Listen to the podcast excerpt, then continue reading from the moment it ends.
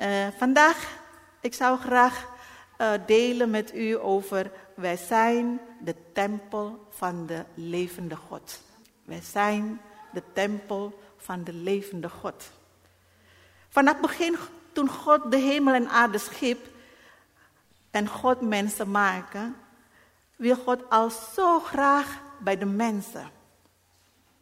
God wil zo graag bij de mensen. En wil God, God wil ook graag met de mensen wandelen. Kletsen. Nou, blijkbaar, God is ook een klets. Hij wil zo graag met de mensen kletsen en de dag doornemen. En Paulus schrijft dat een paar keer in zijn brieven, onder andere, dan gaan we zo openmaken als u de Bijbel meegenomen hebt. 2 Korintiërs 6, vers 16 tot met 18. Paulus schrijft een paar keer in zijn brieven, maar nu gaan we dan kijken in de 2 Korintiërs. 2 Korintiërs 6, vers uh, eh, 16 tot met 18. Paulus schrijft zo. Welke gemeenschap, welke gemeenschappelijke grondslag heeft de tempel Gods met afgoden? Wij toch zijn de tempel van de levende God. Geluid God gesproken heeft, ik zal onder hun wonen en wandelen en ik zal hun God zijn en zij zullen mijn volk zijn. Daarom gaat wij uit hun midden. En scheidt u af, spreekt de Heer, en houdt niet vast aan de onreine. Vers 18. En ik zal u aannemen, en ik zal u tot, de tot vader zijn, en gij zult mij tot zonen en dochter zijn, zegt de Heere, de Almachtige. Paulus zei dat ook. Tegen gemeente in de Corinthiërs zei hij, wij zijn, u bent de tempel van de levende God. Niet alleen maar zomaar God, maar de levende God. Maar zoals uh, hij wil graag onder de mensen wonen, wandelen als God en de mensen zijn volk. God wil graag als vader zijn en u en ik als zijn zonen en zijn dochter. Maar zoals wij weten, zijn, de, uh, zijn doel is verpest door de eerste mens luisteren naar de sprekende slang. De hele wereld, de hele schepping is onder de vloek. Er is een gat tussen God en mens. Een scheiding door de zonde, omdat de, de eerste mens, Adam en Eva, luisteren naar de sprekende slang.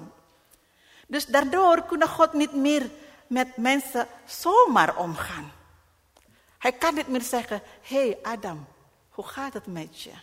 Dat kan niet meer zomaar. Het moet iets gebeuren. Want hij, de plan is niet meer zoals God bedoelt. Maar God verlangt nog steeds om bij de mensen te wonen. God houdt erg veel van mensen. Daarom toen God de Israëlieten uit Egypte, u kent dat verhaal, toen uit de Egypte eruit gehaald onder, onder leiding van Mozes. Hij zeide tegen Mozes, om tempel of een, een, moet bouwen. En u kunt lezen thuis, Exodus 25. En die tempel noemen ze toen op, dit, op dat moment tabernakel. Kent u dat die verhaal? Die tabernakel. Een andere vertaling zegt ontmoetingstent. En die andere vertaling zegt ook tent der samenkomst. Waar de tent, Mozes moet het maken zoals echt de, uh, de, de, de tabernakel zoals in de hemel zijn. Alle detail.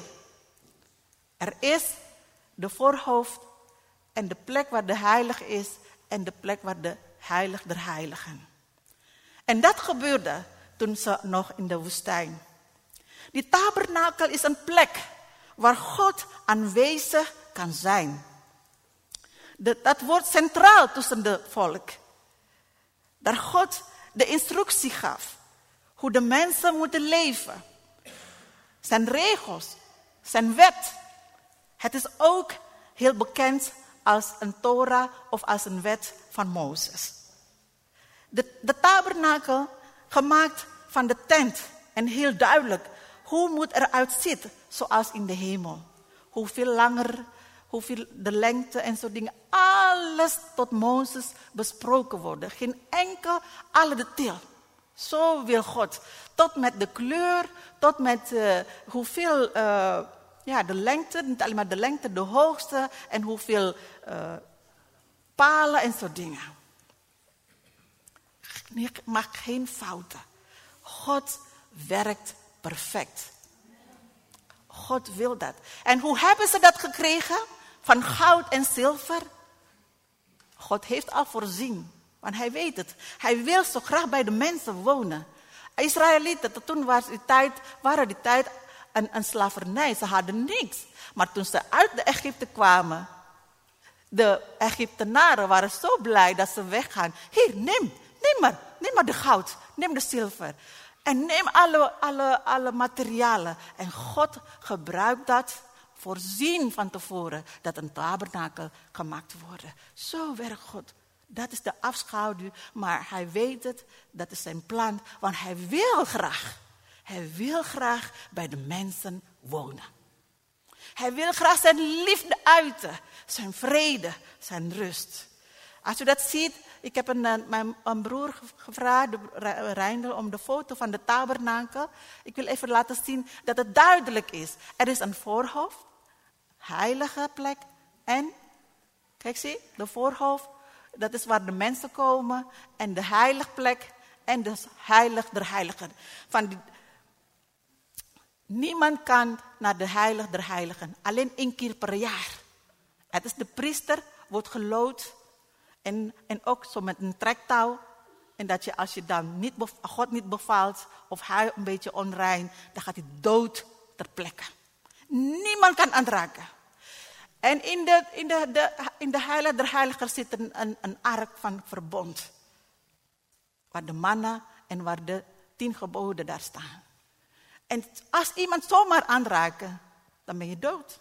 Niemand zo heilig God is.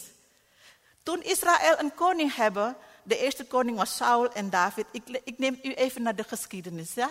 Zodat u kunnen, ik wil hier laten zien hoe, hoe belangrijk God willen weten, uh, uh, hoe belangrijk is de detail waar God heeft al zo gegeven, zodat wij snapt, zodat wij kunnen snappen waarom Jezus is naar de aarde gekomen toen Israël koning hebben, de eerste koning was Saul, want uh, Israël willen ook als andere landen, die willen ook een koning hebben.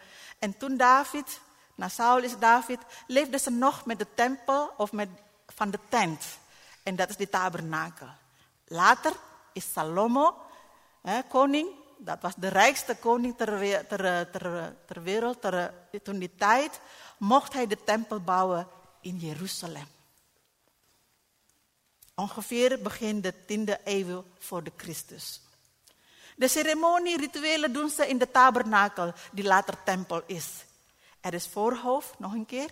Dat is voorhoofd, iedereen mag komen met je offer. En er is een heilige plek, dat alle priester, en dat is de heiliger, en dat is een priester die één keer per jaar daar mag komen. U ziet het?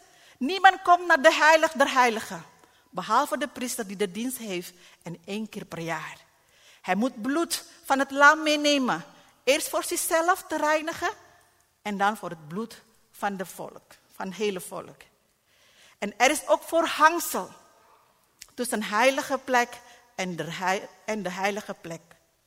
De heilige der heilige plaats. En als je zomaar binnenkomt, dan ben je meteen dood ter plekke. Maar toen tempel in Jeruzalem, waar Salome gebouwd heeft, is een paar keer beroven en vernietigd. eerst door de koning van Babel en weer herbouwd. En de laatste vernietiger was in jaar 70 verwoest door generaal Titus, de Romeinse generaal, tot nu toe niet meer herbouwd. Eén zuster die gaat zaterdag naar Israël. Nou, ik hoop dat we dat zien. Daar staat alleen maar nu de muur, de klaagmuur. Het is niet meer verbouwd. En sommige mensen denken, er is een instituut of organisatie die wil graag nog de tempel herbouwen. Geld hebben ze al. Al in de tijd. Maar dat is niet wat God wil. En nu, wat betekent dan voor ons? Ik heb het allemaal meegenomen naar de, naar de geschiedenis, maar wat betekent dan voor ons? Dan gaan we naar de Hebreeën 9, vers 11. Hebreeën 9, dat is heel vaak, hebben wij hier al gehoord. Huh?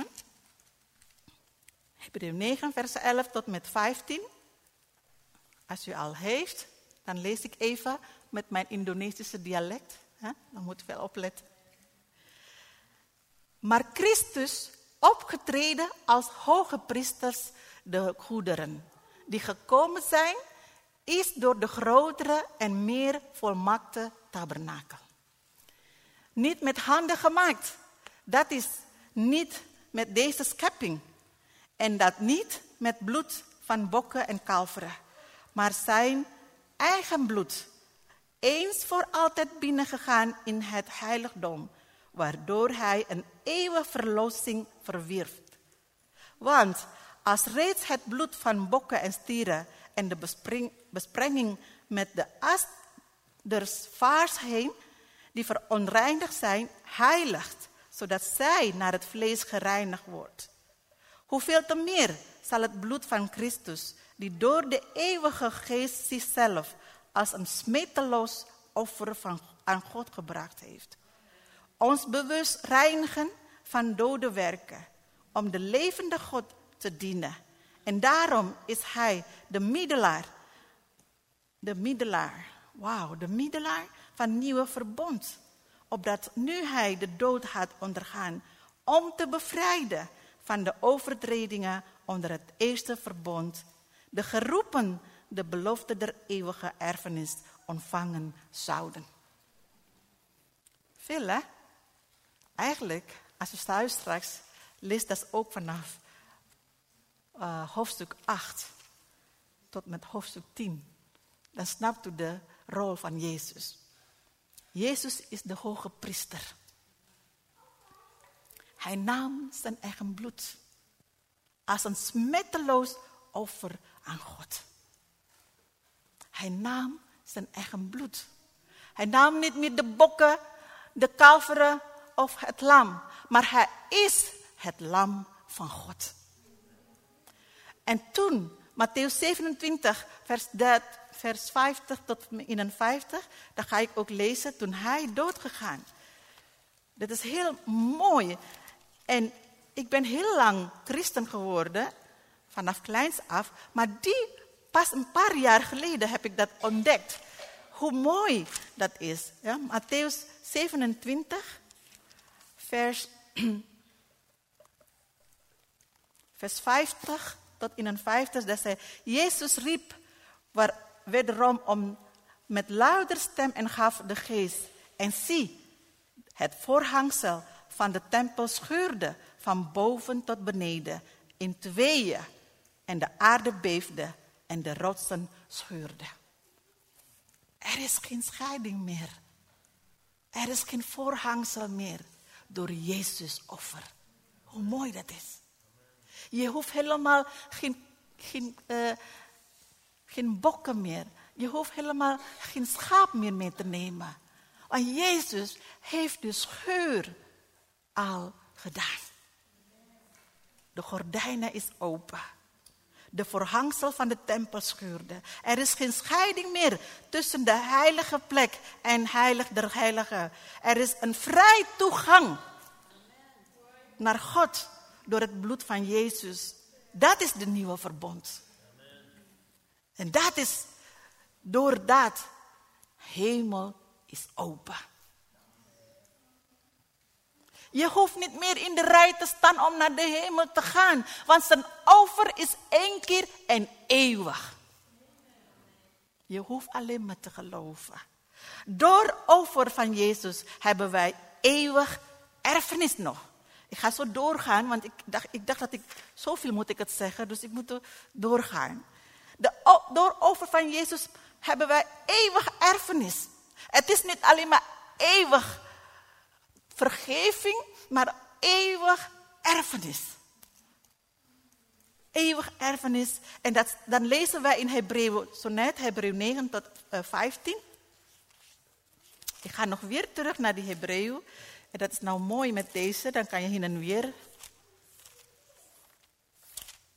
Hebreeuw 9, vers 15. Dat staat, daarom is hij de middelaar van een nieuwe verbond. Opdat nu hij de dood had ondergaan om te bevrijden van de overtredingen onder de eerste verbond, de geroepen de belofte der eeuwige erfenis ontvangen zouden. Wat is je erfenis? De hemel is open, dus je kan gewoon daar. Wat, is in de hemel, wat is in de hemel? Ik had verwacht dat in de hemel lekker fruit is. Ja toch? Ik hoef alleen maar te plukken. En dat staat daar, dat je elke maand een bladeren komen en dan ga je genezen en dan word je, daar staat de vrede. Dan hoef alleen maar te gaan. Het is al open, kom maar. Dan ervaar je niet elke dag. Vanmiddag heb ik ook al ervaren. Ik denk, nou, dan word ik geïrriteerd. Maar God zeide, je hebt die vrede. Dan moet je niet meer vragen. Dat, heb ik, dat hebben wij niet altijd meegemaakt. Maar God zei, ik heb de deur al opengemaakt. Jij bent nu in de hemel. Je bent wel in de tussen de vaarten, maar je bent wel in de hemel. Ik sta wel hier. Ik moet wel nog mijn hypotheek betalen, maar ik ben wel in de hemel. Niemand kan mij meer stuk maken. En niemand kan mij meer gek maken. Natuurlijk ben ik al gek. Ik ben al gek genoeg. Maar niemand meer gekker maken. Want ik ben al in de hemel. Maar hoe? Wat is de erfenis? Paulus schrijft, ik hou van Paulus. Paulus heeft het echt zo duidelijk van gemaakt. En als je leest, we hebben al zo vaak hier gelezen uit Efesus 1, vers 13. Wow, dit is mijn, mijn, bijna mijn lievelingstekst. Efesiër 1, vers 13. Wat is die erfenis? In hem zijt ook gij, staat erop, nadat gij het woord der waarheid, het evangelie, uw behoudenis hebt gehoord, in hem zijt gij, toen gij geloven werd, ook verzegeld met de Heilige Geest, der belofte. En die een, een onderpand is van onze erfenis. Tot verlossing van het volk dat hij zich verworpen heeft tot lof zijner heerlijkheid. Toen u gelooft in, de, in God, in Jezus, u bent gestempeld. Kijk even in je voorhoofd. Is er een stempel of niet? Ik zie bij de zuster. Ik zie ook bij jou. Jij bent gestempeld met de Heilige Geest. Je ziet het niet, want ik zie het. U ziet mij. Ben ik gestempeld of niet? Hm? Jij ziet jezelf niet. Je ziet je een stempel niet. Maar andere mensen zien je stempel. Zo, zo goed God is. Andere mensen proef dat je een kind van God bent. De andere mensen proef dat de Heilige Geest zit in je. Hij ziet dat je de dochter en, en de zoon van God is. Wij zijn verzegeld door de Heilige Geest. Zeg even links en rechts. Jij bent verzegeld door de Heilige Geest. Zeg, zeg even. Zeg even. Nou. Ja.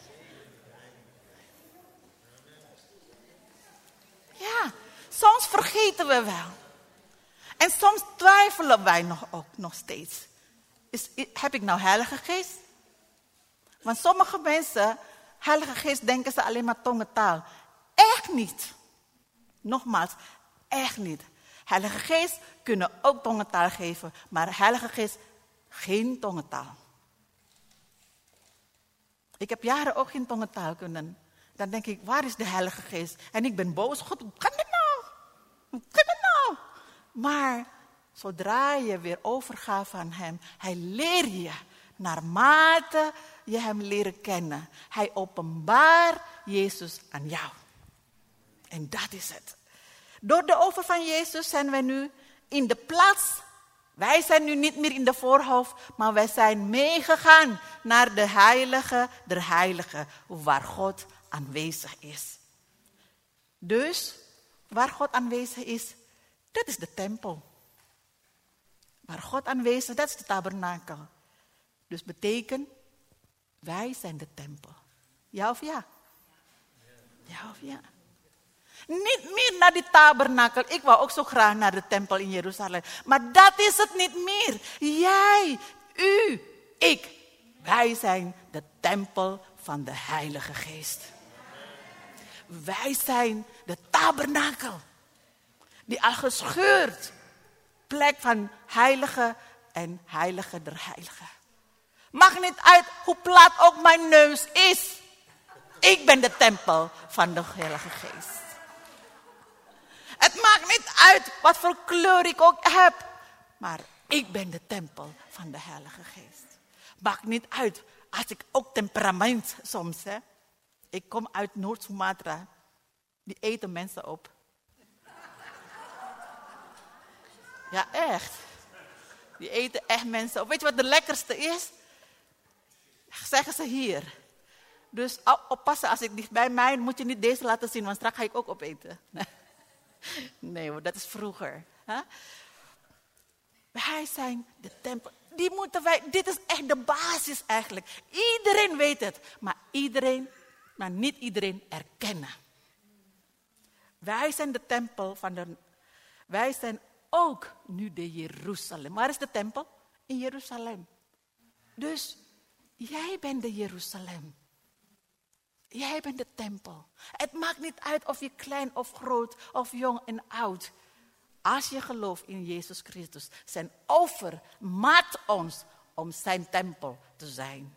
In het begin zei ik al, de tempel of de tabernakel is de, een plek waar God woont, waar God aanwezig is. Dat bent u. God is vrede. Ja of nee? God is liefde. God heeft zegeningen. God heeft zijn woord. God heeft bescherming. En God heeft vrijheid. God is ook van orde, maar ook van spontaan. Hoe mooi dat is. Ik hou van orde, echt waar. Als OK-assistent, check, check, check, check, check. Want anders patiënt is dood. Maar ik hou ook van spontaan. Dat is het. Alles wat God heeft, de hele wereld is van God. Ja of nee? Dus betekent de hele wereld is van mij en van u. Beseft u dat? De hele aanwezigheid zit in jouw hart. Er is een goddelijke kracht in jou. Er is een goddelijke vrede in jou. Er is een goddelijke liefde in jou. Want God woont in jou. En als de God is de schepper van de hemel en aarde, dat betekent de hemel en aarde is ook van ons. Is van mij. Wat heb je nog nodig? Heb je nodig? Heb je geld nodig? Vraag het. Niet vragen? Nee, dan gaat het nu de volgende. Dus, we vragen niet meer. Want God heeft met zijn kracht, zijn liefde, zijn aanwezigheid zit in u, in ons. We vragen niet meer. We gaan niet meer vrede vragen. We gaan ook niet meer liefde vragen. We gaan ook niet meer bescherming vragen. Want automatisch heb je al. En wat doe je dan? Danken. Danken God dat u mij genezen. Dank God. Ondanks dat ik nog, nog niet zie, u geeft mij de uitweg. Weet nog, ken je nog van de uh, opdracht van Joshua, dat wij elke dag moeten danken? En hij moet ook zelf leren. En ik heb de zijn, zijn preek gehoord. Dus zei, Jos, heb je al gedaan? Ja, natuurlijk, zei ik dan. Ja, dat is het als je samen in, in, de, in hetzelfde huis. Je hoort samen, je gaat ook elkaar corrigeren. Ja, toch? Danken. God, sommige mensen, wat heb je nog nodig? Wat heb je nog nodig? De hele wereld is onder je voeten. Ben je bang omdat de, sommige mensen denken, ja, Astari bidt voor mij, want er is nog een, kracht die mij um, lastig vallen. Sommige mensen geloven dat wel, dat je een, een, een, magie die komt lastig vallen, of, uh, of een kracht die, die kracht, of de vijandkracht. Mensen, wij God heeft al overwinnen. Die heeft al betaald. Die hoef je niet meer te vragen. Alleen maar danken. Bedankt God dat u God bent. Bedankt God dat u de schepper bent. Ik was half elf aan het uh, dit voorbereiden en toen kwam Jos voor ontbijten. Half elf pas ontbijten die jongen, hè?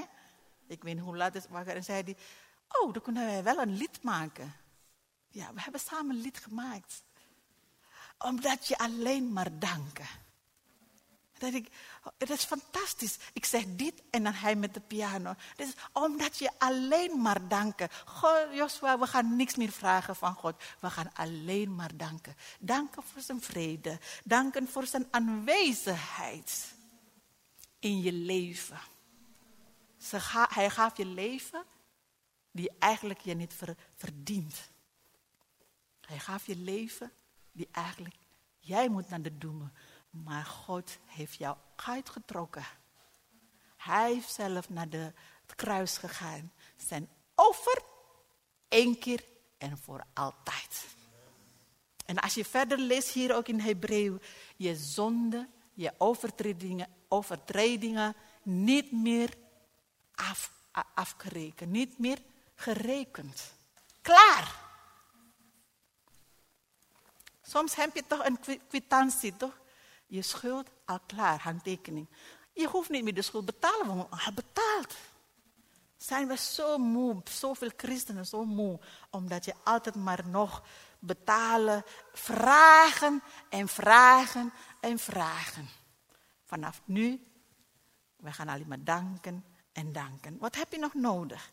Dan ga ik naar Johannes 14. Dus uh, dit, dit, dit heb ik ook bin, uh, pas binnenkort ontdekt. Zo mooi God is. Wij zijn de tempel van de Heilige Geest. En uh, Johannes 14, vers 16 tot met 18 zei hij. En ik zal de Vader bidden. Wie is ik? Jezus. Hè? En hij zal u een andere troost geven. Om tot in eeuwigheid bij u te zijn de geest der waarheid, die de wereld niet kan ontvangen, want zij ziet hem niet en kent hem niet, maar gij kent hem, want hij blijft bij u en zal in u zijn. En 18, ik zal u niet als wezen achterlaten, ik kom tot u. En dit is al uitgekomen. Je hoeft niet meer te vragen voor de Heilige Geest. Die is al uitgekomen toen Pinkster gemeen. Pinkster en Efeziër zei ook. En als je gelooft in de evangelie, ben je verzegeld met de Heilige Geest. Vers 18. Dit is mijn eigen ervaring. Ik zal, even, ik zal u niet als wezen achterlaten. Toen mijn moeder overleden. Mijn vader heeft al, is al lang overleden. Dit is uh, zeker een, uh, uh, 29 jaar. Maar vorig jaar mijn moeder is overleden. Toen opeens besef ik dat ik een wees ben dat je geen ouders meer hebt. Dat je de helft van je bestaan is er niet meer. Toen dacht ik, hé, hey, ik ben een wees.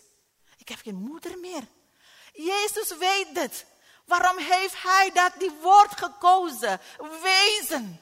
U bent niet wees, ik ben niet wees. En hij heeft mij andere trooster gegeven. En dat is die Heilige Geest. En die woont in u.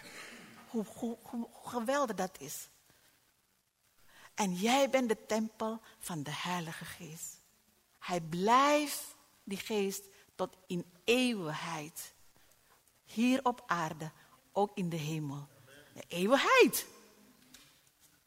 Die eeuwigheid en ook op aarde en ook in de hemel. Hoe belangrijk. Weet je, als je weet dat gevoel dat je alleen bent, dat je geen moeder en vader meer hebt, toen snap ik echt nog veel meer aan oudere mensen. Ik ben vier weken vrij. Weet je wat ik ga? Wat ik heb gedaan? Alleen maar bezoeken. God, wat doe ik? Naar Indonesië kan ik niet, omdat de ticket zo duur was, bijna 3000. Toen dacht ik, ah, vier weken vrij, wat moet ik opruimen? 30 graden opruimen. En toen kwam opeens de dag, even bezoek naar Haarlem. Even dit, met haar praten.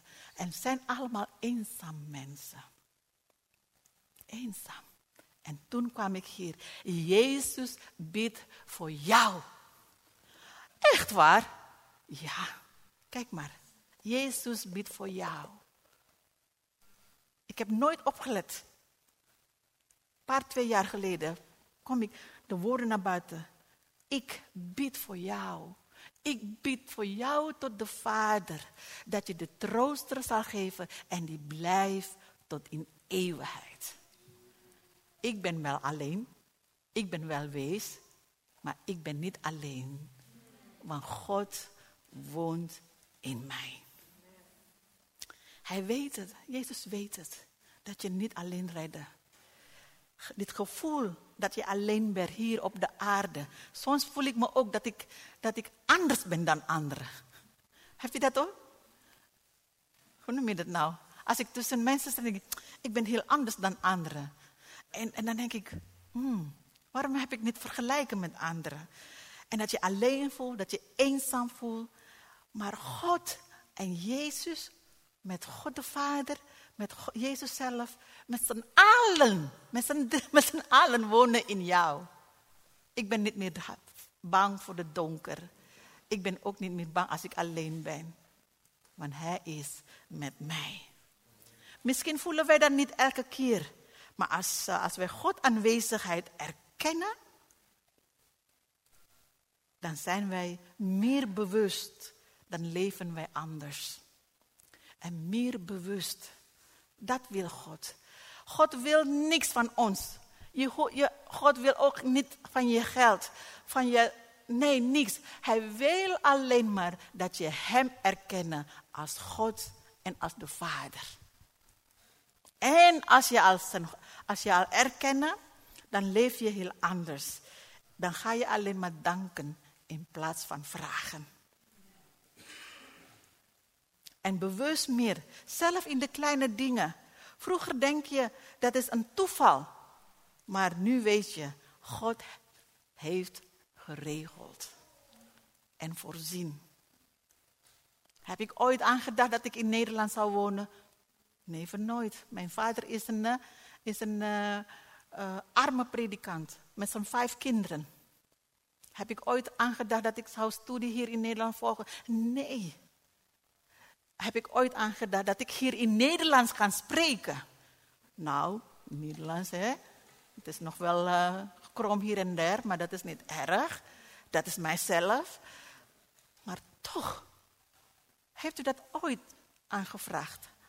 Afgevraagd aan uzelf. Waarom ben ik hier? Waarom bent u zogenaamd hier in Almere? Vroeger, toen wij van Amsterdam willen verhuizen, mijn vrienden zei, waarom ga je naar Almere? Wat heb je te zoeken? Ik heb niks te zoeken. Ik heb niks te zoeken. Ja, maar Almere. Iedereen wil van Amsterdam naar Bussum, naar Naarden. Naarden toch? Naarden? Naarden. Uh, naar, uh, hoe noem je dat? Dat is elite toch? En jij gaat naar Almere. Ik zei, ik zoek niks. Ik neem juist mijn tempel naar de Almere. Ik ben de tempel, ik neem mezelf naar Almere. Ik was altijd in Indonesische gemeente, altijd Indonesisch spreken. In, in Indonesisch zingen. Heb ik nooit aan gedacht. Maar dat komt omdat je niks meer te zoeken. Want je zoekt is al in jouw hart. En dat is God zelf. Zoeken, zoeken, zoeken. Kon je niet vinden. Want God heeft al geopenbaard in je. En dat is in Jezus Christus. Mensen, dit is heel diep. Maar ik doe een beetje licht, zodat wij, God zelf neemt dat over. De Heilige Geest, uh, eigenlijk moet ik nog verder met wat doet de Heilige Geest in je leven. Maar dan doe ik maar een andere keer, anders bent u al beu om mij hier te zien. Maar dit is een begin. Nu snap ik meer. Vroeger, ik ken helemaal geen Hans en Grietje. Mijn moeder alleen maar verhalen uit de Bijbel. Ik dacht, dat is een verhaal alleen maar. Maar nu snap ik het. Want daar lees ik, dat is de afschaduw van de komst van de Verlosser. Vroeger dacht ik ook, ik moet mijn heilig leven. Ik moet maar lief zijn. Ik ben nog nooit boos. Maar nu, als ik willen boos, boos ben ik. En mag echt niet meer uit. Het is al betaald. Nu zie je soms dat ik boos ben. Op het werk zei ik, oh mensen, even vergadering. Oh ja, tante As wil een vergadering. En dan zei ik, ik ben boos. Hé? Ja, ik ben boos. Ik, doe nu, ik kan mezelf zijn. Vroeger, nee, je moet lief zijn en je moet uh, tiende geven, je moet dit. Je, ik word helemaal stress om christen te zijn. Stress! En je moet zingen, je moet bedienen, je moet tenminste ook in de koffiezaal, je moet mensen helpen. Je moet, ik word helemaal ziek van de gemoed. Nou, echt waar. En nu, de scheur is al, de voorhangsel is al gescheurd. Als je wil boos, boos zijn. Maar God ook boos. Maar ook, blijkbaar, nu pas ontdekt. De hele leven ben ik nog nooit boos. De laatste tijd ben ik boos. Ik zei, Joshua, ik ben boos. Oh, zei hij. Ik ben boos. Maar dat blijkbaar mag het wel. Want dat is ook de genade. Want God leert je ook, toen je stil zit, oh, je was wel temperament. Maar God zei, ondanks alles, ik houd nog steeds van je en ik woon in je. Soms, soms moet je boos zijn, hè? Toch? Mijn lieve meisje.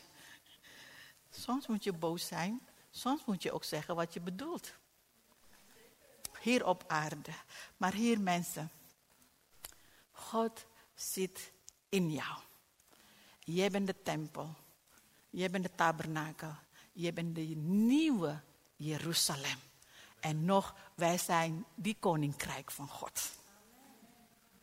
Dus als je de tempel bent en als je de, uh, ja, de, de Heilige Geest, wij leven nu op aarde, maar wij denken hoe in de hemel is. De hemel, de vrede, de liefde is jouw deel. Niet meer vragen.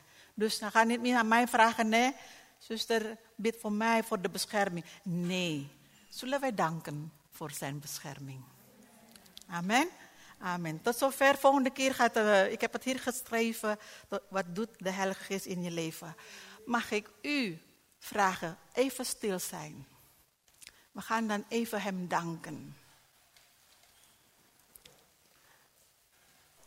Ik, ik geloof altijd Zolang je hart blijven uh, bewegen, doet u maar u linkerhand op je hart en rechterhand naar boven, naar God toe. En zeg, dank je wel God, dat u mij gekozen hebt om uw tempel te zijn. Dank je wel God, dat u mij gekozen om uw dochter of uw zoon zijn. Dat u mij als uw kind mogen zijn. Ik mag u roepen als vader. Soms voel zoveel mensen, broeders en zoveel mensen verdrietig of uh, boos zijn omdat de vader, je eigen vader, die biologische vader, niet kan als een, uh, als een voorbeeld zijn. En daarom, God wil als je vader zijn. U ook misschien thuis. Hoe kan ik dan zijn aanwezigheid ervaren? Doet u, doet u maar uw hand, linkerhand in uw hart, op het hart. Zeg maar, God, ik wil u ervaren. Ik wil u ervaren, uw aanwezigheid. Maak u mij maar als een tempel. Ik nodig u uit om mijn vader te zijn, om mijn God te zijn. Heb je dat nooit gedaan? Doe maar nu. Doe het maar nu. Als je nog nooit hem uitgenodigd hebt, nodig maar nu uit. Zodat hij in je hart komt en woont. Niet heen en weer, maar hij woont in je. De Heilige Geest zit in jou. En geloof maar, in Jezus' naam. In Jezus' naam bidden wij. Amen.